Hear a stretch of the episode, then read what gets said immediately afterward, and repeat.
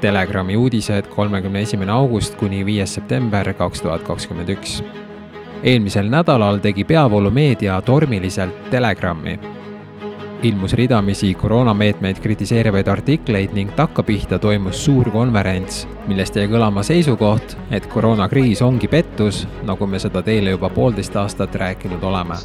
Even the healthiest person, a person who's recovered from the disease, could be a granny killer this kind of narrative has absolutely no basis in the science.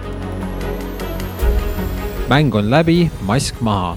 Delfi kinnitab Telegrami infot ja koroonapettust.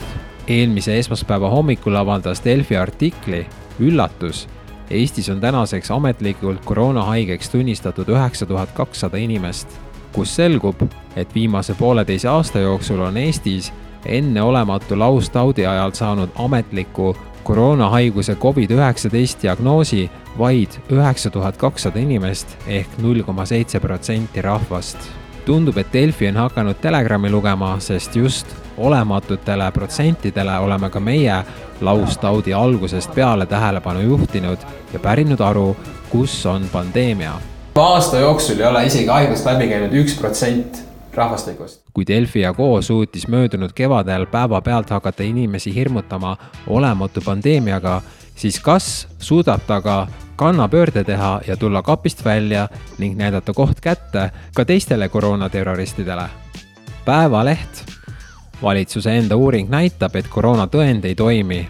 lõpetage see piinlik ahistamine teisel septembril avaldas arvamustoimetaja Villu Sirnask Päevalehes aga artikli, milles kutsus üles loobuma rumalast koroonatõendi nõudest. seda, et tõendi nõudmine on rumal, kinnitavad nii Riigikantselei enda tellitud uuring kui ka viimase kuu vaktsineerimisstatistika. nimelt kahekümne seitsmendal augustil avaldatud uuringust saab välja lugeda, et suve jooksul on vaktsiinivastaste hulk kasvanud ning usaldus perearstide vastu langenud. lõpetagem siis Jaapanis leiti Moderna vaktsiinidest magnetile reageerivat ainet. umbes üks koma kuus miljonit Moderna koroonavaktsiini vaktsiiniannust kõrvaldati Jaapanis kasutuselt, kuna osa viaale tunnistati saastunuks, teatas Jaapani terviseministeerium.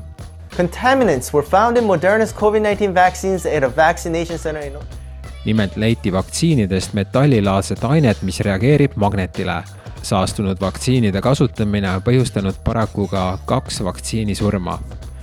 probleem pole võõras ka Eestile, vastuseta on küsimus, kas pärast jaanipäeva ilmsiks tulnud valede hoiutingimuste tõttu Terviseameti külmlaos on ka Maarjamaal mõni õla alla pannud vaktsineeritu saanud kahtlasest veelgi kahtlasema süsti.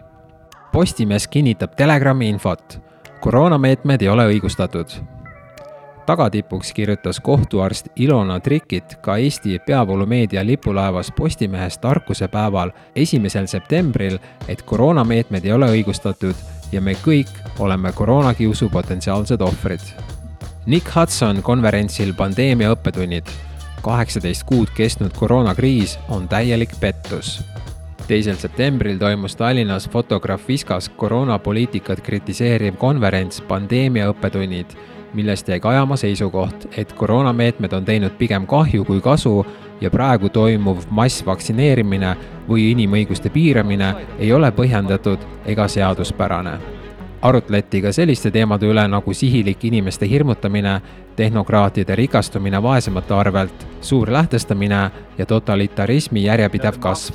sulgemiste mõjusid analüüsiva organisatsiooni Panda Pandemics Data and Analytics looja Nick Hudson ütles lausa otse välja, et tema arvates on kaheksateist kuud kestnud koroonakriis täielik pettus. I want to talk about the propagandization of this narrative. We're living in a world where our institutions of science and media have been co opted in the maintenance of a false narrative. And the narrative's main purpose is the creation and perpetuation of fear. konverents lõppes julgustava sõnumiga, mida rohkem inimesi oma õiguste eest seisavad, seda kiiremini hakkab vigane süsteem ennast korrigeerima. Kaja Kallas, väljastage Eestis kasutusel olevate Covid-19 vaktsiinide tootjatega sõlmitud lepingud nädala lõpuks pöördus jurist Varro Vooglaid Vabariigi Valitsuse juhi poole palvega väljastada kõigi Eestis kasutusel olevate Covid-19 vaktsiinide tootjatega sõlmitud lepingud. jääme ootama. Need olid Telegrami uudised eelmisest nädalast. tule kapist välja ka sina, me kõik teame, et see on hauks